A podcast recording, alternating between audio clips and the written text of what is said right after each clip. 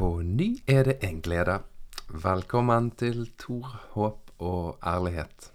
I dag møter du Atle Ottosen Søvik. Han eh, jobber med religionsfilosofi. Han er nå en av alle disse veldig dyktige professorene som jeg har fått eh, møte på på MF. Og han setter i gang mange tanker i undervisningen sin. Ikke minst så får han deg til å lese bøker og lytte til eh, undervisningsvideoer og søke på nett og leite rundt omkring i alle mulige store og gode spørsmål som for meg i hvert fall gjør meg enda mer sånn nysgjerrig og glad, og jeg får lyst til å lese og undersøke enda mer. Jeg tror du vil skjønne hva jeg mener når du hører episoden. Du, legg merke til en liten ting, for han kommer innom en eh, liten teori. Ikke en liten teori, en stor teori, men han kommer litt innom det. Og så nevner han kalam. Og med tanke på de episodene vi har hatt nå de siste gangene der vi har snakket med en professor i islam, annet, så husk på kalam. Det var en del, en skoleretning innen House of Wisdom. Bare sånn det er litt gøy å vite. Ting henger sammen. Alt henger sammen med alt. Historien vår har formet oss, og det er godt å kjenne til den. Men vær så god. Her kommer Atle Ottosen Søvik i samtale med Tor Håkon Eiken i Tor Håp og ærlighet.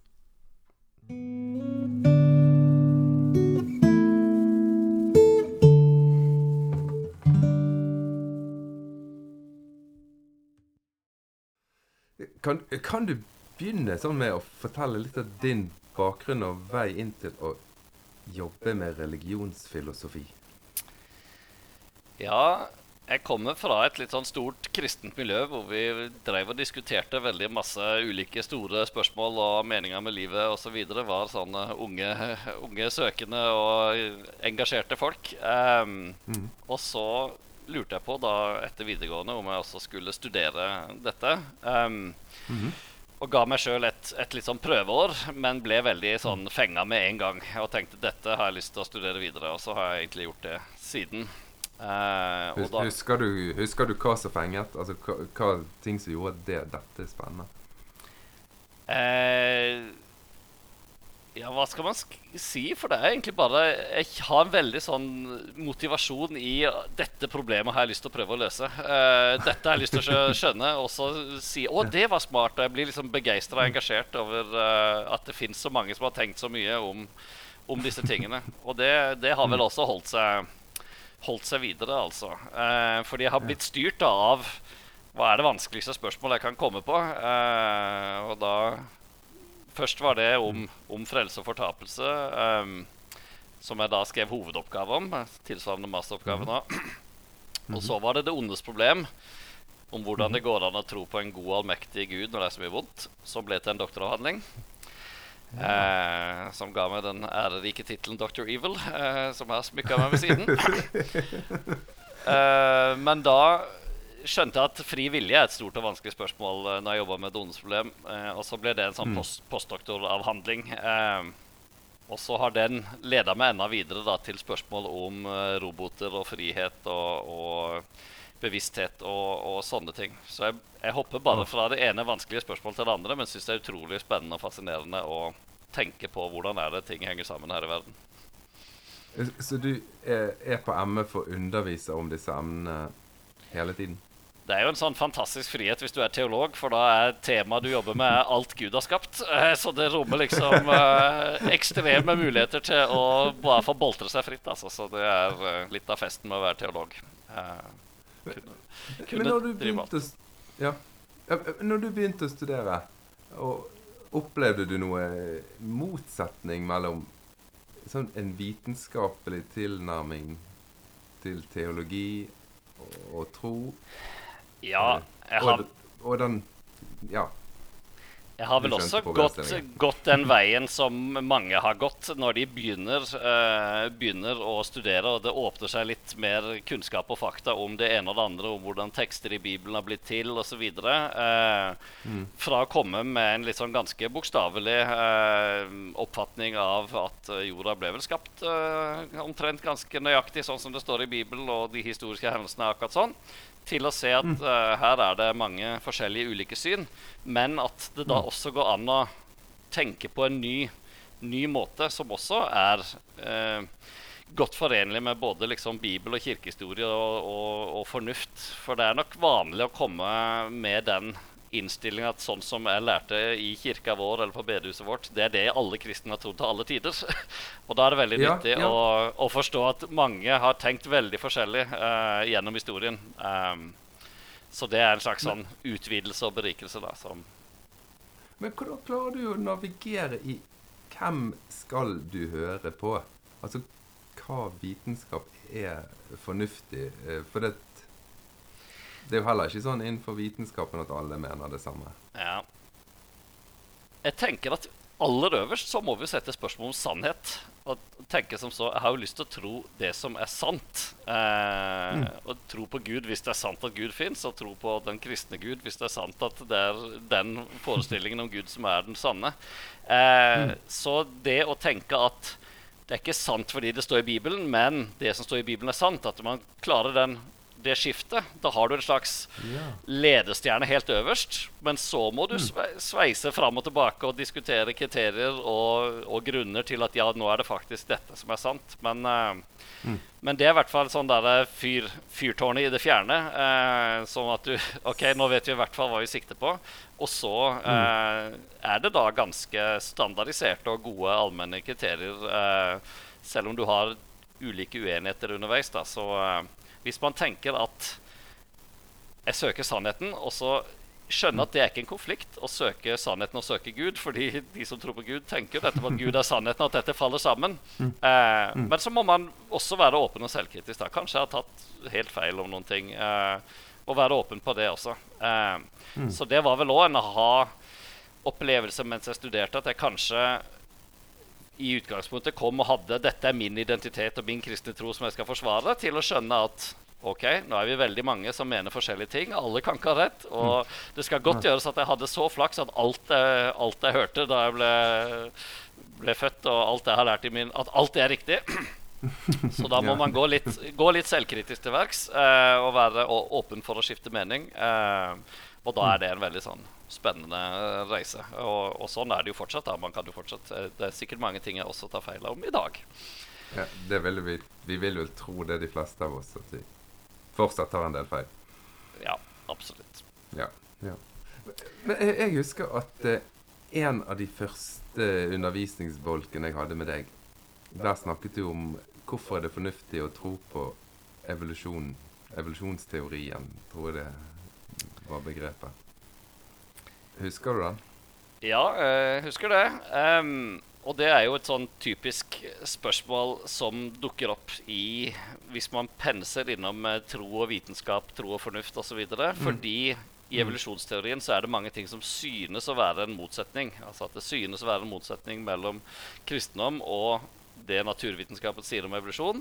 Mens jeg tenker at det ikke er det. Uh, men når vi har den diskusjonen, så er det på en måte to spørsmål. Det første er er evolusjonsteorien sann i det hele tatt? Det er spørsmål nummer én. Og spørsmål nummer to er er den forenlig med kristendommen. Eh, for man kan jo tenke enten den er ikke forenlig, men det gjør ikke noe, for den er ikke sann uansett. Eller eh, den er Ja, eh, det betyr noe hva du svarer på begge de to spørsmålene. Og jeg mener jo da at svaret på begge spørsmålene er ja. Eh, den er sann. Ja. Og hvis den er sann, og du ønsker å tro både på vitenskapen og kristendommen, så må du finne ut hvordan de kan, kan forenes. da. Men fordi jeg møter mange studenter som i utgangspunktet tenker nei, den er feil, så begynner jeg gjerne da med Ja. sånn, en liten forelesning om grunner til å tro at den er sann. Ehm, og da er det overordna igjen grepet da, at hvis vi diskuterer om noe er sant, så prøver vi å se hvilken teori er det som får flest mulig ting til å henge best mulig sammen.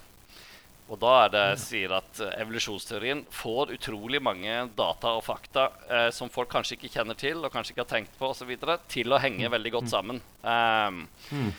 Og det er det som gir oss grunn til å tro at det er sant. da. Eh, og så hadde jeg vel en lang remse med eksempler, og da må du styre meg litt på hvor, mange, hvor mye tid vi skal bruke nå på å argumentere for at det er sant. Eller om du bare var interessert i det overordnede. Vi, vi, må ha noen argumenter. Altså, Et typisk eksempel er jo da i hvert fall hvor utrolig godt det stemmer overens eh, hvis du ser på fossiler som ligger i ulike bergarter, og ser på deres alder. Så vil du finne at eh, i gamle bergarter så finner du bare veldig sånne enkle fossiler. Altså livet på en tidlig stadium i sin utvikling. Mens i mm. unge bergarter så kan du finne mer avanserte. Der finner du dinosaurer og avansert, avansert liv. Men det stemmer. Ja man har veldig mange forskjellige dateringsteknikker som man kan bruke da på disse fjell og bergarter osv. Og, og, mm. og det stemmer da veldig veldig godt overens. Sånn at Hvis Gud skapte alle arter for 6000 år siden, så er det utrolig rart mm. at det skal ligge så At det skal være så systematisk plassert. Altså Det passer veldig, veldig mye bedre med Da har jeg hørt fantasirike historier om at jo, men det var da dette hørte jeg liksom ekspertgeologer si, da, men som hadde en veldig sånn konservativ kristen oppfatning. De sa da flommen kom, så begynte dyra å svømme oppover mot over overflaten. Og de små dyra de døde først. Og så elefantene de kom seg helt opp til toppen, eh, og så døde de. Og så tenkte jeg jaha, hva med fugler og fisker? Og her var det masse som ikke passa inn, tenkte jeg.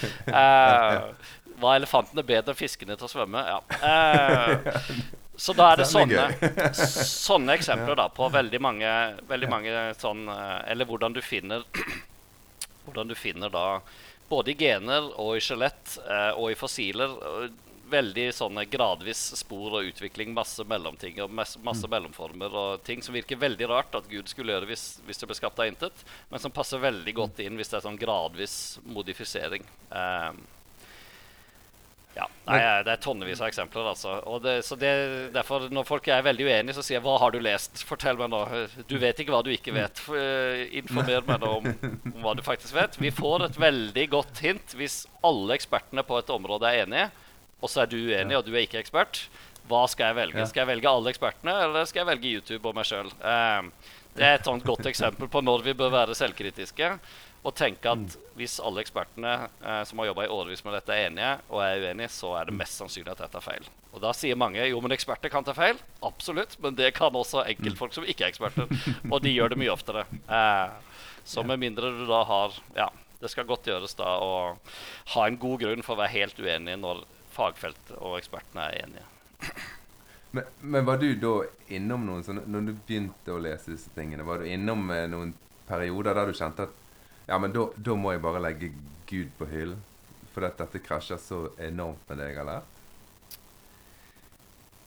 Eh, altså Jeg har vel aldri kanskje lagt Gud på hylla, men jeg har lagt veldig mye annet på hylla, og så tatt det ned fra hylla. Og altså svingt eh, Alle blir frelst, eller nei, noen blir frelst, eller ingen. Altså, også store spørsmål har jeg liksom svinga fram og tilbake og lært meg nye argumenter ja. osv.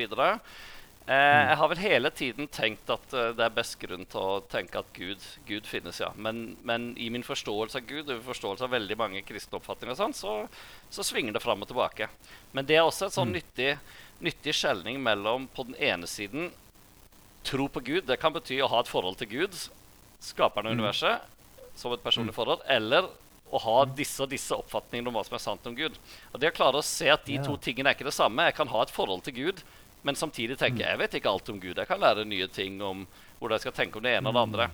Jeg tror mange mm. slår sammen de to og syns det er veldig skummelt hvis Oi, begynner å skifte en oppfatning i et eller annet spørsmål. Da raser hele byggverket. For troen min er jo dette ja. settet med oppfatninger.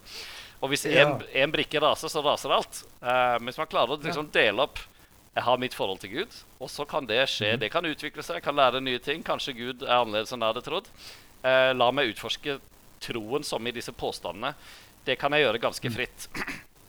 Og mm. det var nok Hvis jeg skal peke på én sånn største liksom, aha-opplevelse eller endring eller liksom, viktig innsikt mens jeg studerte, og kom fra, kom fra en litt sånn hvor jeg typisk hadde forsvart dette er den sanne oppfatning, for det er det vi i vår menighet alltid har ment, eh, til å mm. la meg studere åpent og fritt, så var det egentlig bare når en kamerat sa for, jeg, for jeg syns det var litt skummelt. Oi, var, Tenk om jeg tar feil? Tenk om jeg sier sånn? Vil Gud straffe meg? Eller kan jeg gå fortapt? Eller hva? Ja. Og så sa, så sa bare kameraten min da eh, Ja, men tror du Gud vil straffe den som ærlig søker sannheten?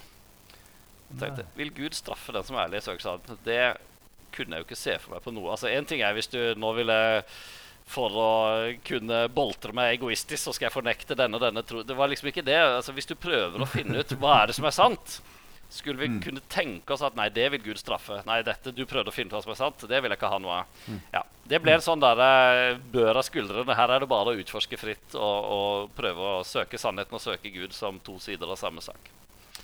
Ja, så det var frigjørende, frigjørende tanke. Ja, det var det jeg skulle si. Da, da virker det på meg som du har en veldig sånn fri følelse i, i, forhold til det du jobber med.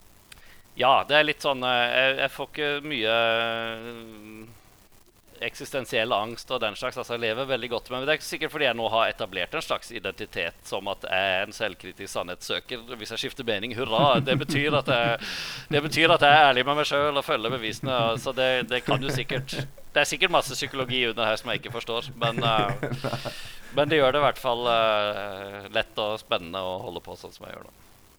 Ja. Jeg sendte jo mail til deg og spurte om vi kunne snakke om bevissthet. Eh, og da sa du at det, det, var, det var, greit. Absolutt. Kan du si noe om hvorfor spørsmålet om bevissthet er så vesentlig? Et slags hovedspørsmål når det gjelder bevissthet, La, nei, la, oss først snakke om hva Vi må først definere eh, begrepet bevissthet. For jeg tror at mange som hører, tenker bevisst. Mener du å ikke være i koma? Mener du å ikke være bevisstløs? Eller uh, å ha våkna fra senga? For det er jo ofte sånn vi sier uh, 'han var ikke bevisst', ja. eller osv. Så, videre. så når vi snakker om bevissthet i filosofien og bevissthetsfilosofi osv., så, videre, så snakker vi om det fenomenet at Eh, det synes å være noe her i verden som er veldig ulikt alt annet. Eh, nemlig, mm. altså, Han bruker man da ordet 'bevisste opplevelser' for det.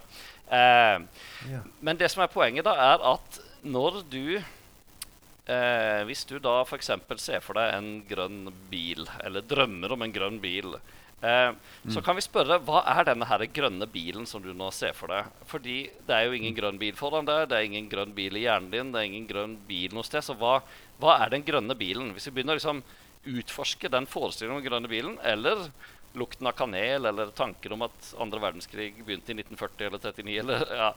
um, mm, -hmm. Så, så, ser vi at oi, de har visst mange egenskaper som ikke vi, alle andre fysiske ting har. Uh, alle andre fysiske ting kan jo alle liksom se og oppdage, men dine bevisste opplevelser er det bare du som har din unike tilgang til.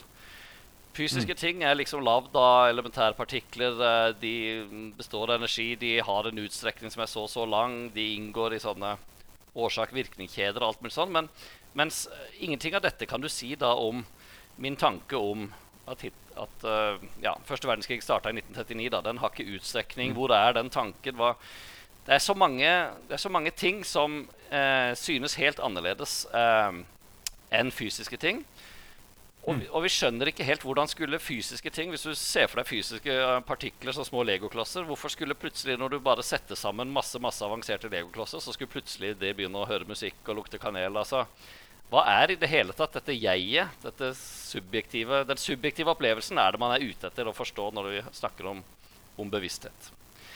Altså opplevelsen av at jeg opplever ting. Ja, rett og slett en sånn førstepersonsperspektiv på ting. At det er et mm. subjekt. Eh, så man definerer det gjerne. Altså bevissthet. Da mener vi det at noe er som noe for noen. Det er litt sånn rar definisjon, men vi, tenk, vi, tenker jo gjerne at det å høre, høre jazzmusikk, eller det å være Atle, det er liksom som noe bestemt Det oppleves som noe for meg. Mens for, ja. for, en stein så oppleves det ikke som noe å høre musikk eller å være en stein. Eh, så det er noe spesielt med de som er bevisste. De har en slags mm. subjektiv, mm. fenomenologisk førstepersonsperspektiv-opplevelse. da. Som vi prøver å forstå. For på den ene siden mm.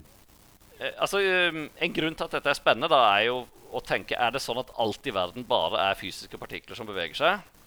Eller fins mm. det i tillegg noe mer? Hvis det fins i tillegg noe mer og noe veldig annerledes, så åpner det veldig mye spennende dører knytta til både etikk og verdi og Gud og frihet og, eh, og sånne ting. Eh, mm. sam samtidig som mye av det også er forenlig med at alt som fins, er fysisk. Altså. Men, men, jeg ser at det popper opp i det ene etter det andre etter det tredje spørsmålet. Er det sånn at alt i verden kan reduseres til noe fysisk? Eller fins det noe mer og noe ikke-fysisk? For akkurat nå er det en veldig sånn sterk bevegelse i filosofien for å redusere alt til noe fysisk. Mm. Det gjør det liksom enklere å forstå at For det er litt vanskelig å forstå sammenhengen mellom bevisstheten og det fysiske hvis de er to helt forskjellige ting. Hvordan klarer min bevissthet når jeg tenker 'løft armen', og så løfter armen hva, Hvis det er to forskjellige ting, hvordan er det de er kobla sammen? Hvis, mm. hvis jeg har, For mange tenker kanskje at vi har en ikke-fysisk sjel. Men altså, hva, hvordan henger den sjelen fast i kroppen, og hvorfor bryr den sjelen seg om du slår en hammer, en hammer på tommelen? Hvorfor skal sjelen få vondt av det? Eh, altså, hvordan skal vi forstå den sammenhengen på den ene siden? Men på den annen side, hvis det er to sider av samme sak, hvorfor er de så forskjellige? Det er et sånn mysterium uan, uansett. Og dette er veldig bredt anerkjent da, blant hjerneforskere, blant bevissthetsfilosofer. Uavhengig av om de tror på Gud eller ikke, så sier de dette er the hard problem of consciousness. Vi skjønner ikke hva er bevissthet? Hvordan har det kommet? Hvordan henger det sammen med kroppen? Det er et mysterium. Så jeg er veldig sånn bredt anerkjent mystisk, mystisk felt, ja, men, altså, men, da også veldig spennende. At hele, at hele tatt bevissthet fins, eh, det, det er et problem å forklare for alle. Ja, eh, så mange sier da vi kan ikke forklare det, så vi må bare si at det har vært en sånn grunnleggende byggestein fra virkeligheten starta. Så må vi bare si bevissthet alltid fins. For det er helt umulig å forklare hvordan bevissthet skulle kunne oppstå fra noe fysisk. Mens andre som gjerne vil prøve å da ha et enklest mulig og mest mulig sammenhengende jo sier vi må klare å forklare hvordan det har oppstått. Det synes å være en veldig veldig tett sammenheng mellom det som skjer i hjernen og det som skjer i bevisstheten. Så det hadde vært utrolig greit hvis det bare var to sider av samme sak. Uh, når vi ser at to ting henger tett sammen, så er jo én mulighet at, at, det er identitet. Det er bare to sider av samme sak. Uh, da slipper vi å forklare hvordan, hvordan de henger sammen. Uh, men samtidig så så vil de fleste oppleve det som en bortforklaring hvis du bare sier ja, bevisstheten er fysisk. Uh, ja vel, hvis den er fysisk, hvorfor har den da alle disse ikke-fysiske egenskapene? Uh, hvordan kan noe ikke mm. Du sier at det er fysisk, og så sier du alle egenskapene er ikke-fysiske. Det blir litt sånn selvmotsigende. Så det er veldig vanskelig uansett. Og jeg har nok da landa på at uh, jeg er selvfølgelig åpen for at det kan komme en fantastisk teori ingen har tenkt på, som forklarer hvordan det er to sider av samme sak, men inntil videre så mm. peker alt på at her er det to veldig forskjellige ting som da synes å tilsi at det har vært noe grunnleggende forskjellig helt fra starten av. Eh, både fysiske ting og bevisste ting. Ja, så, og da, eh, tenker du bevisst, da tenker du bevissthet som noe ikke-fysisk? Da tenker jeg bevissthet som noe ikke-fysisk. At det har vært helt fra starten av. Og det er jo selvfølgelig også veldig forenlig med tanken om en gud. men, ja. men, jeg mener at du kan argumentere for det helt uavhengig av Guds eksistens. Og derfor liker jeg å vise til sånn kjempeflinke Altså David Chalmers er veldig bredt anerkjent som den smarteste filosofen på bevissthet. Og han sier jo det samme, da, selv om han er ateist. Så det er ikke sånn bare de som tror på Gud, sier at bevisstheten er ikke fysisk. Superflinke folk. Galen Strawson altså Jeg kan nevne da navn. Veldig flinke ateistiske ja, filosofer. Ja, ja, Galen Strawson og, og, eh, og, David Chalmers ville vært typiske eksempler da, eh, på noen ja. som sier at uh, bevisstheten er, liksom, det en grunnleggende ikke-fysisk del av virkeligheten. Og som man ikke sier bare fordi man tror på Gud, men som man sier det fordi det er det forskningen best viser. Jeg synes det, Dette syns jeg er ganske spennende. fordi at hvis vi inntar en sånn holdning av at vi må holde oss unna vitenskapen, og så på en måte forsvare en opplest sannhet, så vil jo vi møte argumenter og tanker som krasjer så enormt med den oppleste sannheten. Men hvis vi våger å liksom, åpne øynene og gå inn i vitenskap og filosofi, så finner du det som jeg, jeg opplever som egentlig sånn sånn store vitnesbyrd om at det går an å ha en tro, da, for å bruke et skikkelig eh, menighetsspråk. Så, ja. altså, jeg har et sånt bilde jeg bruker iblant på tre måter å tenke om forholdet mellom tro og vitenskap på. Og da bruker jeg et sånn, og så, og så, sier jeg hva som er problemet med de to alternativene i forhold til det tredje jeg foreslår da, eller anbefaler. Altså, mm. Da sier jeg Se for deg liksom at det er julaften og, og, gaven du får, er verdens største puslespill. Eh, og motivet på puslespillet er hele, hele, verden og alt, alt, i verden. Eh, og det er uendelig mange brikker. Eh, eller i hvert fall eh, si et ekstremt høyt tall, da. Som du skal pusle sammen. Eh, og så begynner du å pusle. Ok, jeg skal pusle hele verden. Eh, og du ser at det er noen brikker som er vitenskapen. Vitenskapsbrikker. Og du ser at det er ganske sånn nøyaktige biter som passer veldig godt sammen. Eh, og altså, de passer godt sammen både på den måten da, at både det naturvitenskapen sier, og den teknologien som de sier da du kan bygge, alle de bitene passer veldig bra. Altså, du mm. får en veldig god grunn til å tro at det er sant når det henger så godt sammen. Det er veldig rart mm. hvis en teori om elektroner eller tyngdekraft tilsier ok, du kan lage en mobiltelefon sånn, eller du kan gjøre sånn og lande til månen, og så bygger du det, og så lander du på månen, og du ringer til Afrika. og da kan det ikke bare være flaks. Altså det, da får du en veldig god grunn til å tro at den teorien er sann. Eh, mm. Så naturvitenskapen har vi veldig god grunn til å tro at det er sann, fordi den er så nøyaktig og gjør så mye forutsigelser og lager så mye teknologi som fungerer osv. Så, da har du pusla en del naturvitenskapsbrikker. Og så har du kristendomsbrikkene, som du òg vil pusle. Og da går det an å sette de sammen på en måte hvor du da ikke får de brikkene som passer med vitenskapsbrikkene. Eh, hvis du sier eh, jorda ble skapt for 6000 år siden, alt skal leses her bokstavelig, Adam og Eva var to, det var ingen død før osv., så, videre, så ser du dette mm. passer ikke med vitenskapsbrikkene. Da må jeg velge en, altså, da må jeg enten kaste de brikkene eller de brikkene. Jeg kan ikke ha begge, begge som, mm. som, en del av hva som er virkelig. Da må jeg si at det ene er bare oppdikta feil, og det andre er riktig.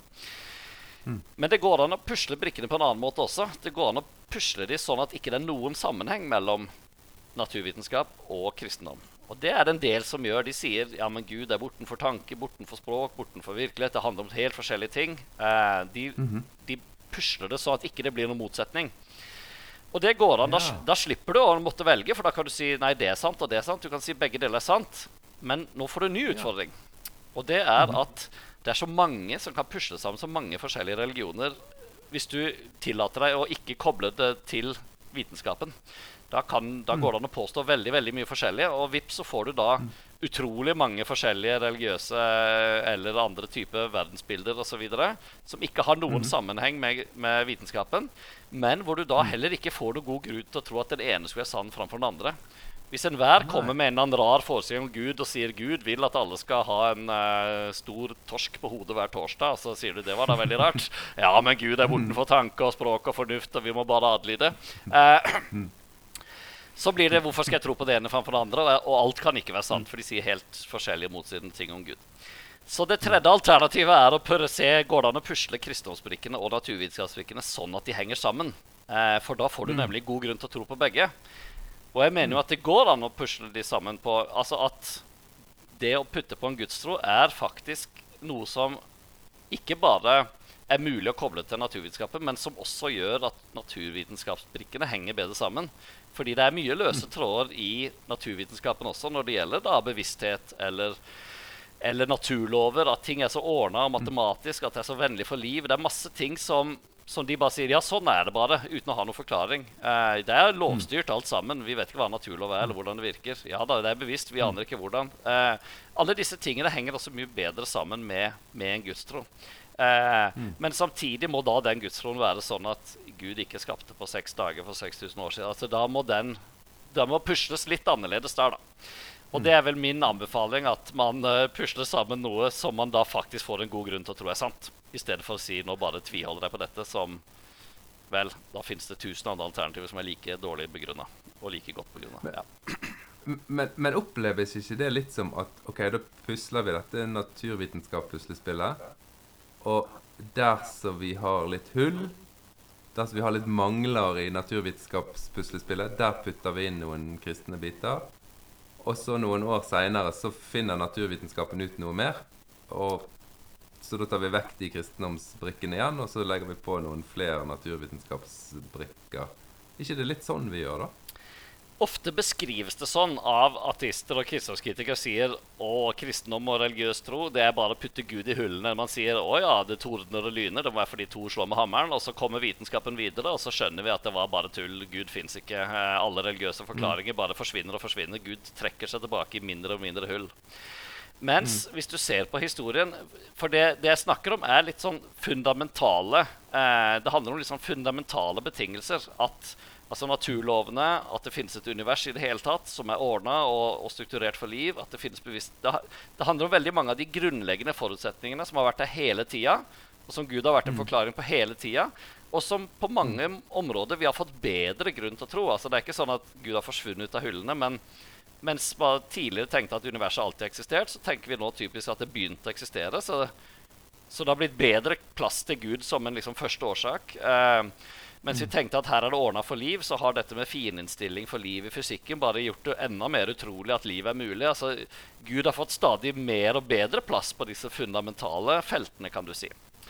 Eh, men helt overordnet sett så tenker jeg at ja vel, kanskje det er feil, men det er sånn all, all vitenskap Vi prøver og vi pusler, og, og det er hull og åpninger i teologien, og det er hull og åpninger i naturvitenskapen. Og kanskje putta du på Gud der, så var det feil. Ja vel, da var det sånn, da. Men vi prøver å finne ut hva er det i dag som er best begrunna. Og så får vi være åpne for at kanskje i morgen fant vi ut at vi tok feil. Ja. Du, kan, kan, du gjenta det du sa om begynnelse? At universet, universet har en begynnelse litt roligere? For det, det, ja. det, var et godt poeng, men det gikk fryktelig fort. Ja, altså um for lenge siden, og nå, vi, nå går vi langt, langt, tilbake i tid så eh, mm. Fra kristendommens begynnelse så har det vært vanlig å tenke Gud skapte universet. Eh, og da mm. syntes det å følge at eh, universet må ha hatt en begynnelse. Men så mm. eh, skjedde det på 1200-tallet at Aristoteles ble veldig populær. Han ble liksom gjenoppdaga i Europa. Og Thomas Aquinas, som var en sånn stor kristen filosof og tenker i og fortsatt innen katolske kirke særlig da, eh, hadde Aristoteles veldig som autoritet og tenkte greit, universet har alltid eksistert. Vi trenger ikke Gud som en sånn første årsak i tid, men mm. Gud er likevel den slags underliggende årsaken. da, Så Gud er en slags samtidig For årsaker kan det være flere. Noen ganger er Vi er ofte vant til å tenke at årsak det betyr årsak i tid. Uh, Først kommer mm. årsaken, og så kommer virkningen. Men du kan ha samtidig årsak og virkning. F.eks. hvis det ligger i en bowlingkule på ei pute, uh, så er liksom Søkk i puta er forårsaka av bowlingkula liksom parallelt og samtidig. Mm. Og så sånn, sa, sånn sa Thomas Aquinas. Gud er liksom den parallelle, samtidige årsaken til universet, men både Gud og universet er evige.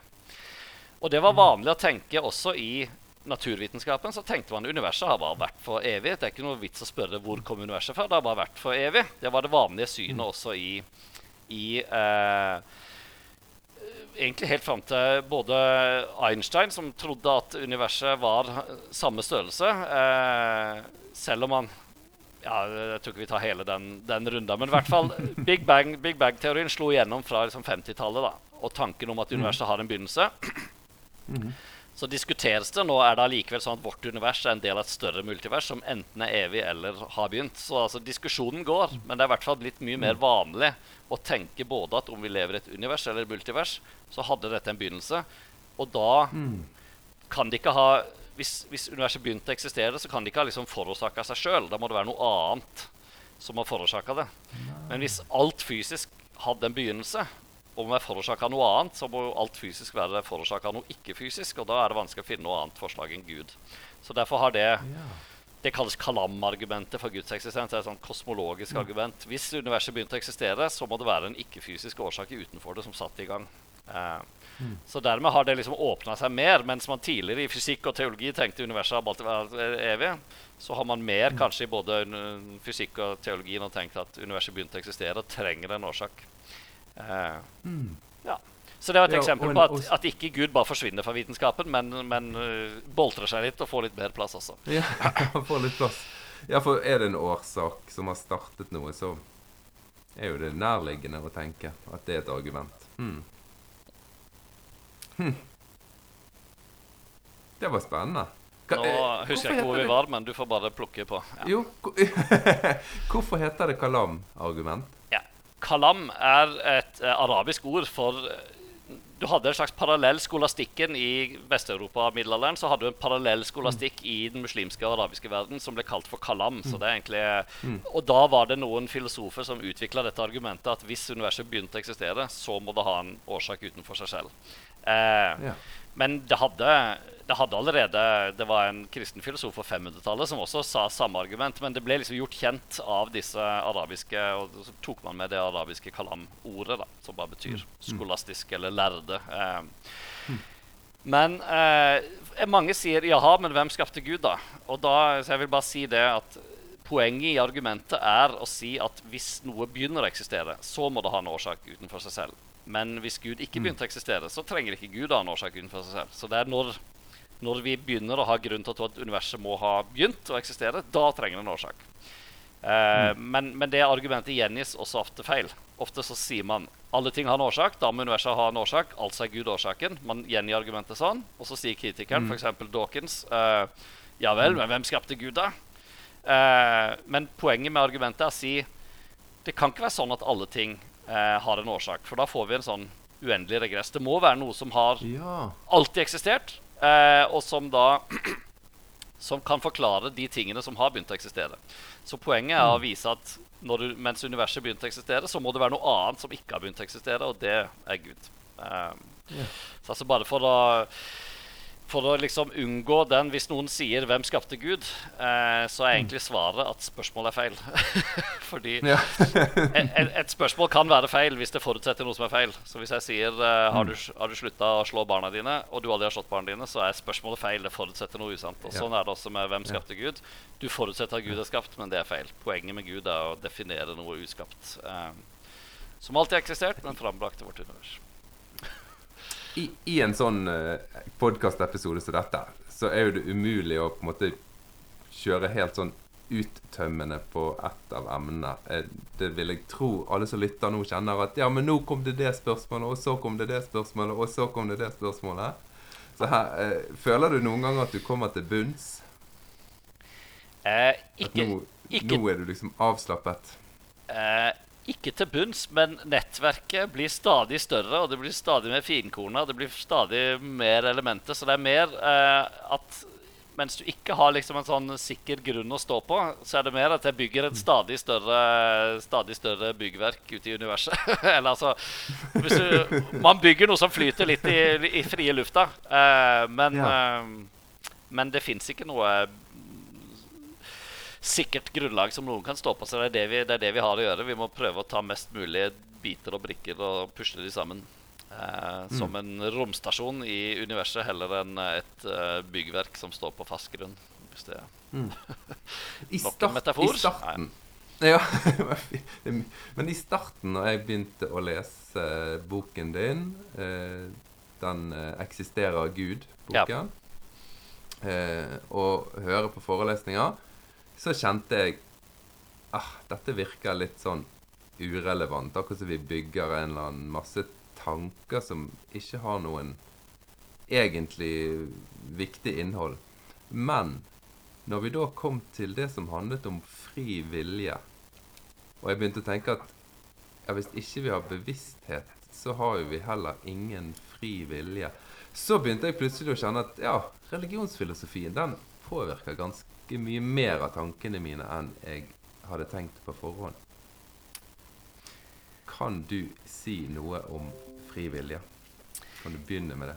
Ja, og Hvis jeg kan begynne overordna med å si at en fascinerende ting med å studere all teologi, eh, og veldig mye filosofi også, eh, er at det er så mange av de temaene som faktisk har veldig store implikasjoner også for altså eksistensielle effekter og konsekvenser. Um, og som de har da altså Og med eksistensiell konsekvens mener jeg det betyr noe for livet om hva du mener er godt og sant og rett og viktig, og, og hva du tenker og føler, hva som gir håp og mening, og mange sånne store ting. Eh, som er knytta da ikke bare til har vi fri vilje, men altså finnes det en gud, er Gud sånn eller slik, finnes det mening bak det hele, finnes det et liv etter døden, eh, finnes det noe ikke-fysisk, eh, så videre Og når det gjelder temaet med fri vilje, så er det et sånn veldig sånn opplagt Da skjønner man at det har ganske mye å si om alt i livet ditt er bestemt før du ble født, uansett. Eh, Eller om framtiden er åpen, og det du gjør, kan gjøre at det blir sånn eller slik. Altså, det gir en mye mer sånn større tyngde og betydning og viktighet av de valgene vi gjør, da,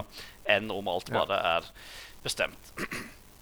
Så er det sånn at det er veldig mange forskjellige typer innvendinger mot frivillige. Eh, altså Man kan gå til Gud og Guds forhetsviten, eller man kan gå til eh, fysikken og at alt er bestemt, eller man kan gå til at alt er bare tilfeldig, eller man kan gå til hjerneforskning og si at eh, det er bare noe hjerne på Det er så mange Eller man kan gå til tidsfilosofi og si at eh, tiden er en illusjon, og framtiden er fast. Ja. Så eh, det fins tusen måter å angripe fri vilje på. Eh, Mm. Men for å dykke ned ordentlig i det, så må man jo prøve å skjønne både hva fri vilje er. Altså Man trenger en teori om hva mener vi med fri vilje i det hele tatt. Eh, Og så trenger man å gyve løs på alle disse her innvendingene da mot For det fins mange forskjellige teorier, og det fins mange forskjellige innvendinger mot hver av teoriene.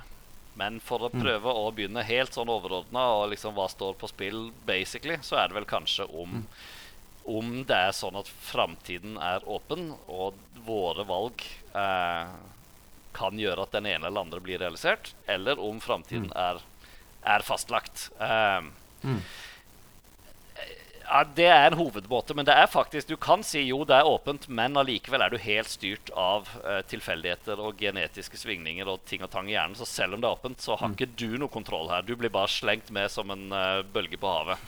Uh, ja, nei, så det er, men spørsmålet er hvor mye kontroll har du?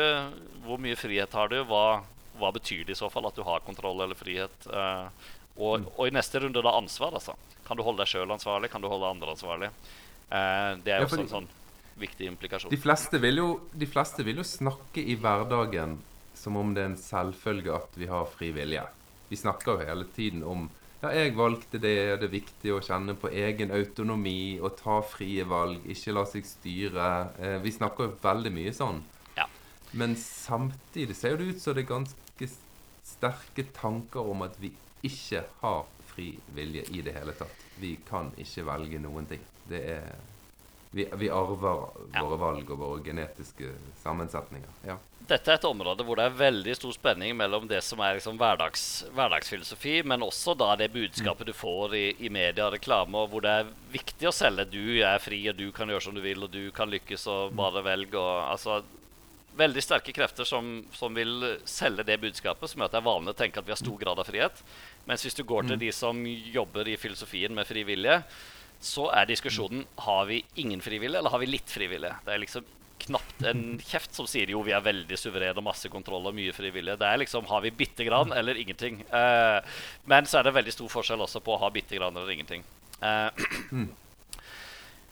og da kan jo det høres kanskje ganske sånn eh, negativt og trist og leit ut. Er det ingenting eller bare litt? Eh, men men jeg, jeg ser ganske mange positive Fordi jeg tror at vi har litt, men ikke mye. Men heller ikke ingenting. Eh, og syns jeg har oppdaga ganske mange positive Hvis vi nå er på det eksistensielle. Altså det å kunne ha litt mer eh, nåde overfor seg selv og overfor andre når man gjør feil og ikke lykkes og, og, og så. Eh, men også da kanskje Det er en del som kanskje får for mye skryt hvis de er rike og vellykka osv. De får for mye skryt i forhold til hva de fortjener. Eh, og så er det en del som ikke er så vellykka, som får altfor mye kjeft og refs eh, i forhold til hva de fortjener. Eh, sånn at det å innse at vi kanskje har ikke så voldsomt mye fri vilje, kan gjøre at vi har litt mer forståelse og, og respekt og ja, nåde og anerkjennelse overfor hverandre og overfor oss sjøl. som har gjort det for min del at jeg syns det er blitt mye lettere å navigere her i livet. Lettere å ta kritikk. Um, lettere å ha forståelse for andre som når de gjør ting jeg syns er, er rart. Og så at vi liksom Her får vi prøve å hjelpe hverandre til å, til å egentlig faktisk bli, bli mer frie og bli, gjøre bedre valg. Og, eh, Det er mer sånn der slags fellesskapsprosjekt uh, hvor det er ikke sånn at enten er du utdelt en helt sånn suveren kontroll eller ingenting, men det er mer det er fellesskapet sammen som gjør seg sjøl og andre klar over alternativet, klar over fordeler og ulemper, og liksom bygger og utvikler en fri vilje litt sånn, sånn gradvis, da. Men også må Ja. ja, tåle å forstå at her er det mye, mye som eh, dessverre var tilfeldigheter og gitt. Men krasjer ikke dette veldig med din kristne arv? Altså, der har vel fri vilje og det at du kan velge til og med så stort spørsmål som om du vil bli frelst, altså i en form av evig liv. Det er jo et enormt stort valg, og det har vært begrunnet Ja, men alle har fri vilje. Igjen kan man også tenke at sånn er det vel selvsagt, fordi sånn er veldig mye nå til dags. Vil veldig mange teologer forsvare fri vilje i veldig mange ulike teologiske spørsmål, for det er det som får det til å gi mening, eh, det vi sier både om synd og frelse og eh, om det ondes problem, om åpenbaring, om veldig mange forskjellige ting, så virker fri vilje veldig viktig, og så skjønner du ikke hvordan i verden skal dette henge i hop hvis vi ikke har fri vilje. Men mm. går du tilbake i historien, så er det mye vanligere å, å, å skru opp altså Gud som den suverene og mennesket som den som ikke har noe frivillige. Eh, og Martin, ja. Luther, Martin, Luther, skrev sin bok 'Den trellbundne vilje', som han hele livet sa dette er min beste bok. hvor han bare liksom mm. Altså, Hvis man leser det det er en sånn debatt Det er en debatt mellom Erasmus av Rotterdam, en sånn veldig veldannet og hyggelig og høflig filosof som prøver å forsvare fri vilje, mm. Og så er det Martin Luther som høvler da ned og kjefter og skjeller og med de verste grove krenkelsene. For det var, det var på den tida hvor det gikk fra det, var, det gikk fra muntlig tale til skriftlig tale. Så de hadde liksom ikke vent seg til det der med litt sånn mer Han Erasmus er den uh, liksom unntaket som skriver høflig og dannet, mens, mens uh, han uh, ja, nei, da, De fleste blir så sjokkert når de leser hva Luther skriver der. Men han bare høvler i hvert fall over hvor idiotisk det er hvis du tror at mennesker har fri vilje. Og særlig da yeah. kanskje, kanskje en liten flekk overfor uh, hverandre, men i hvert fall ikke i forhold til Gud, og i hvert fall ikke i forhold til tro og det som har med det å gjøre.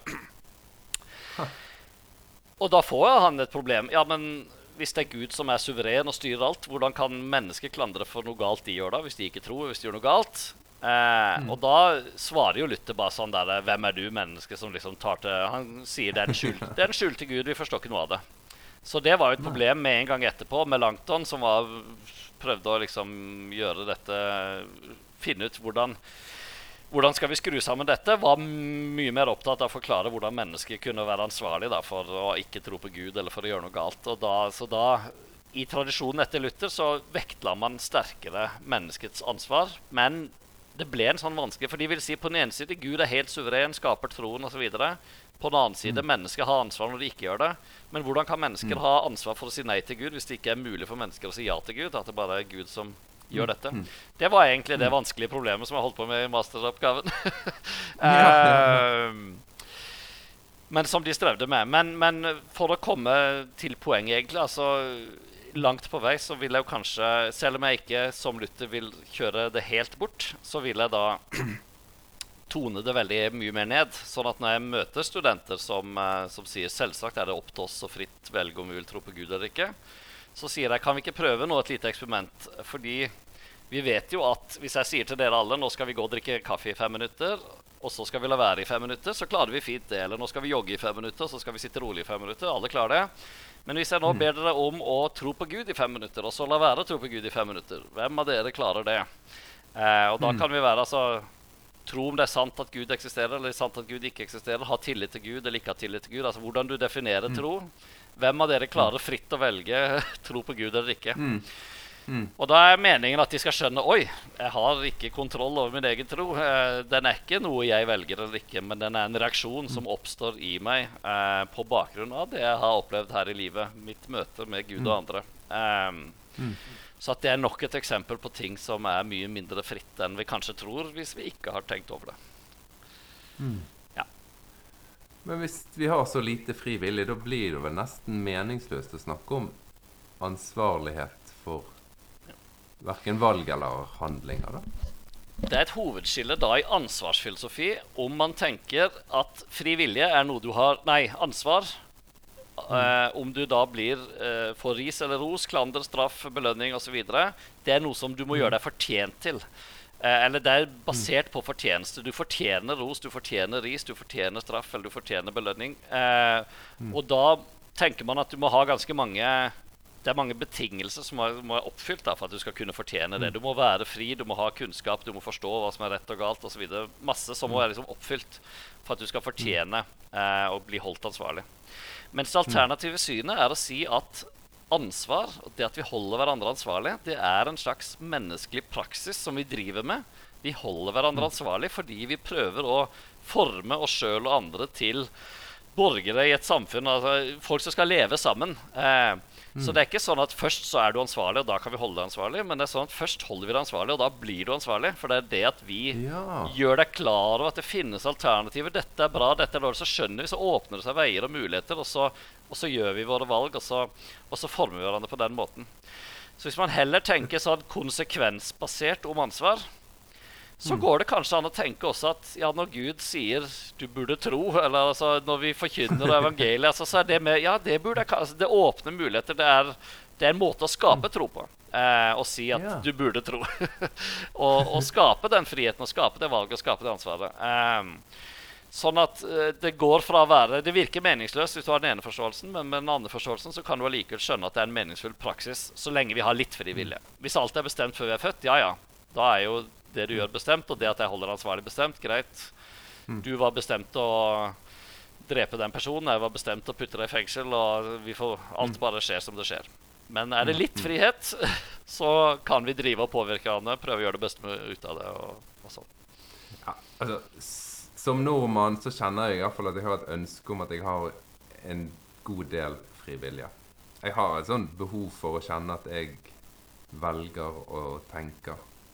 Og så har jeg også et ønske om at jeg har en bevissthet. At det ikke bare er en fysisk eh, sak som egentlig kan eh, bortforklares. Ja. Det, det, må og, jeg si. Og det er altså gode grunner til å tro begge deler, men når det gjelder mengden fri vilje, så er det kanskje lett å blåse opp eh, hvor mye kontroll man har, og hvor suveren man er til å styre. Men mm. da er det også lett å Når man tror at man har veldig stor grad av fri vilje, så er det også veldig lett å ta all klander og skyld og skam på seg sjøl og tenker jeg er så dårlig, jeg kunne hatt en mye bedre jobb, jeg kunne lyktes mye bedre, jeg kunne jo mm. bare ville mm, hatt større innsats og stått på mer og fått til.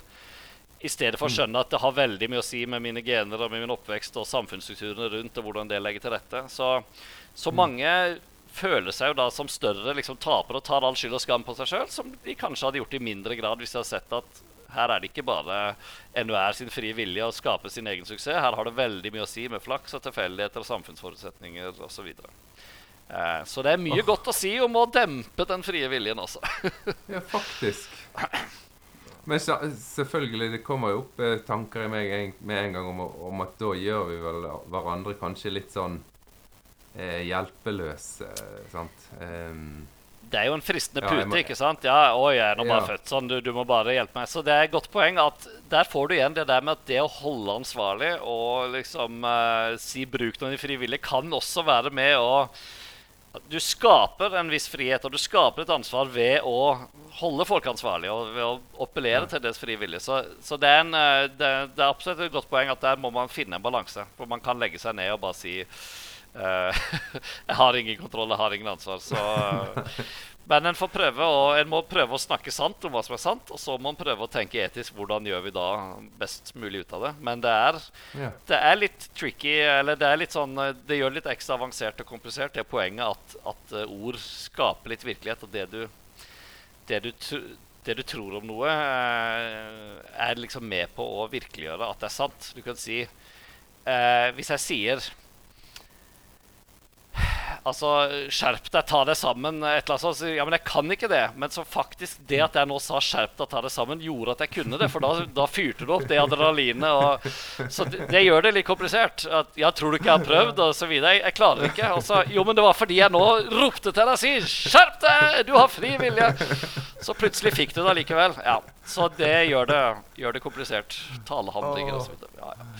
Det er så fascinerende nå med denne her lille timen meg og deg har snakket sammen, det er at det blir akkurat de samme følelsene som hver gang vi har hatt eh, en leksjon på MF. Jeg kjenner jeg litt irritert, for jeg føler at å, må, må, dette må jeg hjem og lese på. Dette må jeg finne ut mer av. Det er jo aldri sånn at du går ut av en time og kjenner Der! Der fant jeg et svar. Nei da. Det er, det jo alltid mitt mål også for undervisning. er at Jeg skal prøve nå å få sagt nok til at alle føler at nå kommer et hakk videre i forhold til der jeg var før. Jeg, jeg har ikke større mål enn det, altså. Men, uh, og det er et slags evig mål. Det blir vel nesten rettferdig å oppsummere med det som var begynnelsen. Eh, at et godt utgangspunkt det er å være sannhetssøkende. Og våge å stille spørsmål som ikke nødvendigvis backer alt jeg har bestemt meg for å tenke fra før. Ja. Og Er du enig? Ja. Ja, hvis noen nå tenker det er liksom eh, Ja, men alt er bare meningsløst og håpløst, og det var alt for, da er det bare rot og kaos, så, så har vi jo altså, vi har funnet veldig mye ting som opplagt er feil. Og du skal jo gjøre valg eh, uansett, selv om du ikke er sikker. Og da er det jo bra å ta det som er best begrunna. Så bare det å komme litt videre i begrunnelse og det å få utelukka i hvert fall noe feil, er ganske stor framdrift. Uh, så for det er noen som sier hva, holder dere fortsatt på med fri vilje? Det gjorde de for 2000 år siden også. Men, ja. men, men vi har forstått og lært mye og kommet mye lenger. Men, men, det betyr altså fortsatt det er sannheten foran, og vi vet ikke hvor langt, hvor langt det er. Men, det er en viktig og det er en meningsløs, meningsfull hva det skulle si, mm. oppgave å holde på med. Selv med da, den usikkerheten som fortsatt følger med. Men bare det, bare det å vite om at den usikkerheten finnes, det å ta hensyn til usikkerhet når man gjør valg osv., i forhold til da de som har veldig lite kunnskap og tror de vet alt og, og er helt sikre, så skaper så mye med problemer. Eh, veldig mye etisk og, og, sannhetsmessig godt i å liksom oppdage sin egen usikkerhet og være klar over ting som ikke er helt sikkert. Eh, det også kunne sikkert gjort samfunnet litt bedre og unngått litt mer ekstremisme osv. Mm, mm. Ja, så litt sånn forsvar, forsvar, for usikkerheten der på slutten. ja, ja. Og da skjønner jo vi som hører på, at uh, steget videre til å jobbe nå med kunstig intelligens og det at vi overlater valg og følelser og tanker til eh, maskiner, at det blir det du jobber videre med nå. Det, det kan jeg godt forstå. Det er veldig, veldig spennende og mm. får, mm. kommer til å få store konsekvenser for samfunnet. Så det er fint at mm. folk som du går på kurset, at, at, folk eh, engasjerer seg, siden vi skal liksom stemme på politikere som skal gjøre viktige, viktige valg framover. Og det var det du fikk høre fra Atle Ottosen Søvik i eh, denne episoden. Du kan jo gjerne kjøpe boken hans, eh, 'Eksisterer Gud'. Eh, det tror du vil synes er interessant.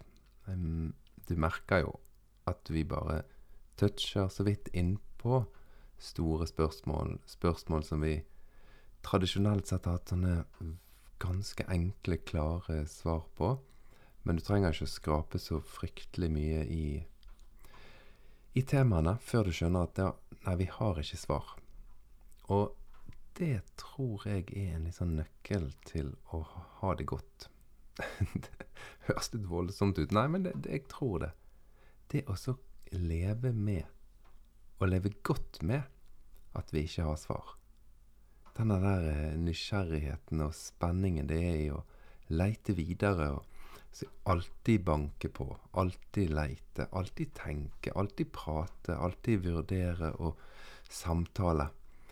Selvfølgelig, det òg kan overdrives, men, men, jeg tror det at, eh, den, at kristendommen kan inneholde veldig, veldig mye mer spørsmål enn det vi har vært vant med, det tror jeg vi kommer til å oppleve som en berikelse.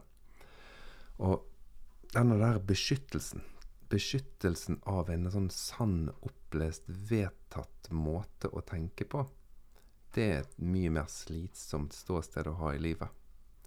Det å være åpen for at vi har ikke svar, men vi har en del ting som støtter ulike argumenter. Som støtter teorier og tanker. Det er en, for meg i hvert fall, en god plass å være på. Frem til neste fredag så må du ha en nydelig uke. Takk for at du deler podkasten. Lyden var ikke helt optimal denne gangen. Eh, det var litt utfordringer med linjen, rett og slett, så det ble noe ekko på min stemme. Men det var heldigvis ikke meg som snakket mest. Vi prates. Ha det godt.